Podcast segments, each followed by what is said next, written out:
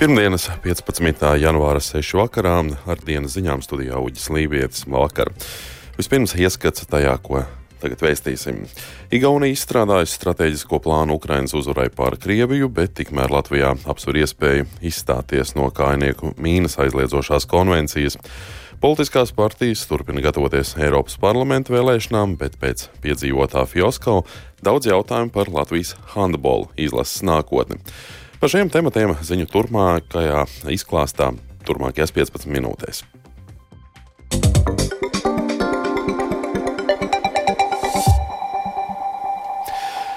Ukrainai turpinot cīņu ar Krievijas iebrucējiem uz sauszemes un gaisā, Ukrainas bruņoto spēku virspavēlnieks Valērijas Zelūžņīs apstiprinājis, ka Ukrainas armija vakar virs Azovas jūras notriekusi divas Krievijas spēku lidmašīnas. Tikmēr Latvijas kaimiņu valsts Igaunija ir izstrādājusi strateģisko plānu Ukrainas uzvarai pār Krieviju. Dokuments ir paredzēts visām tā dēvētām Ramšteinas formātā iesaistītajām valstīm. Vairāk stāsta Rustams Šukūraus. Pieļauts, ka Ukrainas gaisa spēki lidmašīnām ir trāpījuši ar amerikāņu pretgaisa raķešu sistēmas Patriot palīdzību. Ukrainas militārais eksperts Romāns Svitans tikmēr norādījis, ka virs Azovas jūras notriektās lidmašīnas varētu nosaukt par trekniem mērķiem. Militārais eksperts Aleksandrs Kovaļenko savukārt atzīmējis, ka lidmašīna A50 vērtība sasniedz 400 miljonu eiro. Ņemot vērā faktu, ka A50 pašlaik netiek ražotas un katrs no tām ir unikāls eksemplārs, tas padara šo lidmašīnu vēl dārgāku Krievijai. Tikmēr Igaunijas aizsardzības ministrija izstrādājusi Rietumvalstu militārās stratēģijas plānu ar mērķi palīdzēt Ukrainai uzvarēt karā nākamo trīs gadu laikā. Plāns ir sava veida aicinājums, kurā norādīts, ka apvienojot Rietumvalstu centienus, būs nepieciešams ļoti neliels ieguldījums, lai Ukraina gūtu uzvaru karā. Dokumentā atzīmēts, ka visu Ramšteinas formātā iesaistīto valstu IKP ir 47 triljoni eiro. Tikai 0,2% no šīs summas tika atvēlēti palīdzībai Ukrainai. Tajā pašā laikā tiek lēsts, ka Krievijas IKP sasniedz tikai 2 triljonus eiro. Kā norādīja Igaunijas parlamenta aizsardzības komisijas priekšsēdētājs Kalevs Stoičesku, problēma ir tajā, ka Krievija ir pārgājusi uz militārās ekonomikas sliedēm. Rietumos tas tā nav. Vēl, tā sakot, neesam pamodušies, atzīmēja Stoičesku. Igaunijas aizsardzības ministrijas dokumentā arī dzen teikts, ka rietumvalstīm ir jāpalielina ražošana aizsardzības rūpniecības sektorā. Igaunijas piemērs liecina, ka munīcijas ražotnes palaišanai būtu nepieciešami vismaz divi gadi. Taču pēc ekspertu domām ar atbilstošu politisko vēlmi šos procesus var ievērojami pātrināt gan Igaunijā, gan visā Eiropā. Rustam Šukurovs, Latvijas Rādio. Notikumi Ukrainā liek vairāk domāt arī mums pašiem par savu drošību. Daļu sabiedrības satrauc Latvijas pirms vairākiem gadiem pausta apņemšanās neizmantot kājnieku mīnas. Tāpēc sabiedrības iniciatīva portālā Mana balss LV sākta parakstu vākšana par Latvijas izstāšanos no Otavas konvencijas. Iniciatīvas autors uzskata, ka Latvijas sabiedrība šādi iegūtu drošības sajūtu, ka Latvijas robežu varētu nomīnēt agresoru potenciālu uzbrukuma gadījumā. Parlamentā jau šomēnes ir plānots diskusijas par šo jautājumu. Bijušais Nacionālo bruņoto spēku komandieris Raimons Graubi uzskata, ka Ukrainas kara dēļ izstāšanās no Tavas konvencijas būtu atbalstāma. Tas patiesībā nozīmē, ka uh, vīna lauki, tas ir arī kainieku vīna lauki, iespējamai nomīnēts kaut kādas teritorijas, samazinātu pretinieka virzīšanās ātrumu, pretmobilitātes pasākumus modernākām piegādes sistēmām, piemēram, katlērijas sistēmām, laraču sistēmām, mēs varētu uzturēt kaut kādu pārāvumu, piemēram, fronts līnijā. Viņš ir ļoti efektīvs ierocis, kas samazina pretinieka pārvietošanos ātrumu. Latvijas gadījumā ņemot vērā arī varbūt no teritorijas lielumu, tas ir ļoti nozīmīgs. Latvijas radio sazinājās arī ar aizsardzības ministru Andris Prūdu no progresīvajiem. Viņš atzinīgi vērtē sabiedrības iesaisti šajā jautājumā, taču ir jābūt konsultācijām ar sabiedrotajiem un arī izvērtējumam par šādu lēmumu sekām, turpina Andris Prūds. Krievija nepieturās pie kādām konvencijām, un šajā situācijā ir jādomā par dažādiem scenārijiem un par visiem līdzekļiem, kā mēs varam savu valsti aizsargāt. Kā vērtē tos iespējamos līdzekļus Nacionāla bruņotie spēki, ir gan valsts aizsardzības plāns, ir arī NATO reģionālajā aizsardzības plāni. Šobrīd tiek strādāts arī pie militārās pretmobilitātes plāna. Jāņem arī vērā, ka mūsu aizsardzību nodrošina divas dūres. Viena tas ir mūsu pašu spēki, bet, protams, arī NATO. Un tāpēc tāpēc arī konsultācijas un informēšana arī sabiedrotajiem arī ir ļoti nozīmīga. Politiskie spēki turpina gatavot kandidātu sarakstus startam Eiropas parlamenta vēlēšanās. Šodien savus kandidātus nosauc progresīvie, arī partijas stabilitātei, bet eh, līdz šim par kandidātiem ir pavēstījusi jaunā vienotība, Nacionālā apvienība, apvienotais saraksts un arī Latvija pirmajā vietā. Zaļo un Zemnieku savienības kandidātu lokā uz Eiropas parlamentu būšot esošās valdības ministri, taču vēl nav izlemts, kurus kandidātus tieši virzīt, tā noskaidroja Latvijas rādio. Politologs un sabiedrisko attiecību speciālists Filips Rajevskis norāda, ka saglabājas vairākas intrigas un kandidātu savstarpējā cīņa. Lielā intriga būs vienotība, jo vienotība vienmēr pēdējās vēlēšanas ir paņēmusi ļoti lielu vēlētāju balsu skaitu līdz ar to viņam vajag kādus trīs mandātus, lai viņi varētu teikt, ka viņiem bijušas veiksmīgas vēlēšanas. Lielā intriga būs, kā nostartēs kreis liberālajā spārnā, tas ir uh, attīstībai pret progresīvajiem, kur prioritātes ļoti līdzīgas drošību. Vienā gadalā ir ieps ar uh, fabriku, otrā galā pinto ar staķi. Ir jautājums ar ZZS, jo nevar teikt, ka ZZS vēsturiski Eiropa parlamenta vēlēšanas bijušas prioritāte. Tomēr viņi saprot, ka viņiem vajag tur to pārstāvniecību. Nu, es domāju, ka ZVS visdrīzākais pieies nopietni šim jautājumam un neatmetīsies, kā mēs sakām, tādā žargonā. Politiskiem spēkiem vēlēšanu kandidātu saraksti ir jāiesniedz līdz 9. februārim. Latvijai Eiropas parlamentā būs deviņas deputātu vietas.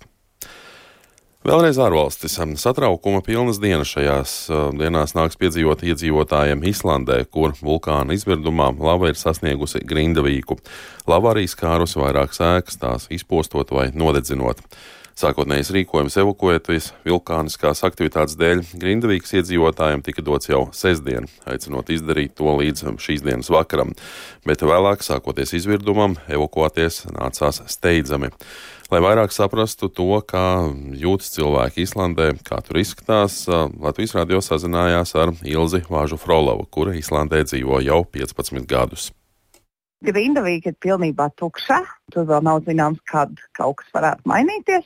Plaisa, no kuras lavas plūsma pašā Grindavīgā ir apstājusies, jauna lava nenāk, bet otra lielā plaisa vēl ir atvērta, palēninājusies. Prognozes visu laiku mainās, katram ir sava prognoze, vai varētu atvērties jaunas spraugas. Trīs mājas ir iznīcinātas, bet tajā brīdī lava apstājās. Ceturtās mājas pagalmā, tā kā ceturtās mājas īpašniekiem, iedzīvotājiem šodien bija augsts rīts. Par sportu. Latvijas vīriešu handbola izlase vakar piedzīvoja vienu no pēdējo gadu sāpīgākajiem zaudējumiem. Viesos ar 28 pret 6, 36 eh, zaudējot Luksemburgai un tādējādi nesasniedzot Eiropas čempionāta kvalifikācijas pamatkārtu. Šāds rezultāts, protams, nevar būt apmierinošs, bet kas turpinājumā gaida vīru handbola valsts vienību, to skaidroja Māris Bergs. Latvijas izlases handbolisti šodien atgriezās mājās pēc zaudējuma Luksemburgā, kas pārvilka svītru cerībām sasniegt Eiropas čempionāta kvalifikācijas pamatkārtu. Uzvara mājās ar septiņu vārtu pārsvaru tomēr nebija pietiekama panākumam divu spēļu summā. Zaudējums ar astoņu vārtu starpību viesos nozīmēja mīnus viens divu spēļu summā. Pēc spēles komentāros vilšanos neslēpa izlases vārdsargs Edgars Kukša. Diemžēl pieredze trūka beigās. Pieredze izšķirošos brīdos, ja mēs bumbu vārtos ar lielu pārliecību sāpīgi. Redzu, cik džeki pārdzīvo, visi jaunie džeki. Pašam arī ļoti sāpīgi. Nav pēdējā spēle mūsu karjerā. Šodien mēs nebeidzam handbolu spēlēt. Ir sāpīgi, bet dzīve turpinās, un mēs turpināsim trenēties un spēlēsim tālāk handbolu. Nāks nākošās spēles, nāks nākošas svarīgas spēles. Un darīsim, ko varēsim un cīnīsimies. Šādos gadījumos allaža aktuāls kļūst jautājums par komandas galvenā trenera posteni. Latvijas izlases stūri 2022. gada vasarā pārņēma Davors Čutura, viņam turpinot iesākto pauģu maiņu valsts vienībā. Handbola federācijas ģenerālsekretāra Līga Bīriņa norāda, ka pagaidām viņa neredz iemeslu mainīt izlases galveno treneri. Pagaidām eh, no savas puses es noteikti varu teikt, ka uh, mēs neplānojam mainīt trenerus, jo uh, šobrīd darbs ir uzsākts profesionāli. Mēs paši esam federācijā nodefinējuši, ka mēs strādājam ilgtermiņā, ne, mums neinteresē. Protams, mums ir svarīga katra uzvara, bet nu, mums neinteresē tikai pēc viena zaudējuma kaut ko raut nost un kardināli mainīt. Šobrīd tās iestrādes ir labas. No savas puses es noteikti balsošu par to, lai mēs turpinātu strādāt un nemainītu, bet vērtēs arī Latvijas Handbola federācijas padoma. Handbola eksperts un viens no pieredzējušākajiem latviešu sporta komentētājiem Anatolijas Kreipāns cer, ka šis handbolistu fiasko nostrādās kā modinātājs zvans visai šī sporta veida saimai. Varbūt, ka tas beidzot jebkuram, kas saistīts kaut kādā veidā ar šo sporta veidu, nu nedaudz pārskatīt gan pašam savu attieksmi, gan vispārējo, jo nu nevar. Kamēr mums nebūs vislīgā, nu vismaz četras komandas, kas cīnās par titulu, ne tāpēc, ka čempions ir kļuvis vājāks, es domāju, Dobara, bet gluži otrādi, ka tās pārējās gribēs kaut ko sasniegt un sāks trenēties nevis divreiz, trīsreiz nedēļā un arī ar tādu daļēju sastāvu. Nu, nekas jau nenorādas ne no kā.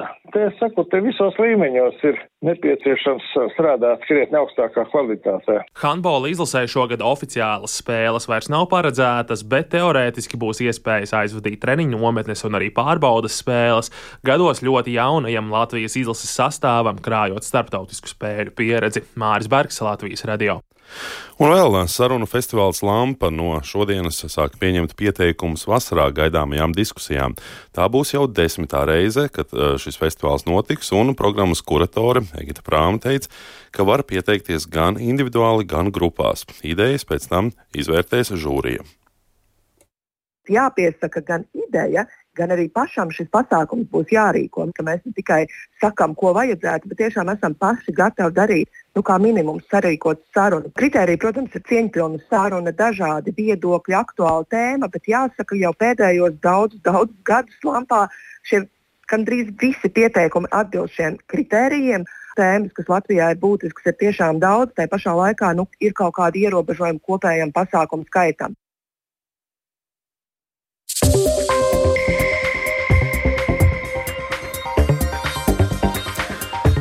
Ar to arī skan dienas ziņas. Pulksten sešos vakarā tās producēja Viktors Pupiks, par labskaņu rūpējās Mārtiņš Paiglis un Renāšs Tēmars, bet studijā Uģis Lībijams.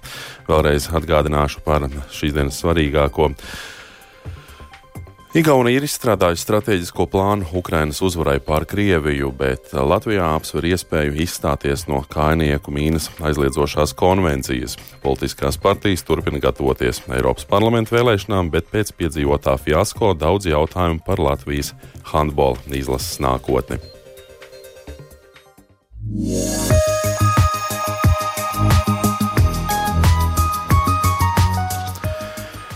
Šobrīd Rīgā gaisa temperatūra ir 0 grāda pūša, dienvidrietumu vējš 4 m2, atmosfēras spiediens 737 mm, relatīvais gaisa mitrums ir 96% un brīžiem sniega slapjš sniegs.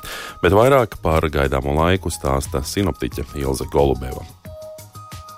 Ciklona ietekmē otrdien daudz vietas sniks, vietām stipri un putinās. Piekrastē vēja brāzmas pastiprināsies līdz 20 metriem sekundē, un gaisa temperatūra kā naktī, tā arī dienā būtiski nemainīsies. Tā būs no mīnus 3 grādiem jūras piekrastē līdz pat mīnus 8, mīnus 10 grādiem vidzemē un vietām Latgalē. Trešdien Latvijā nokrišņu būs mazāk. Naktas stundās debesīm skaidrojoties, termometra stabiņš varētu noslīdēt arī zem minus 15 grādu atzīmes. Arī dienā visā valstī pieturēsies sals, bet vēl aizvien būs jūtams krāsmaiņas vējš.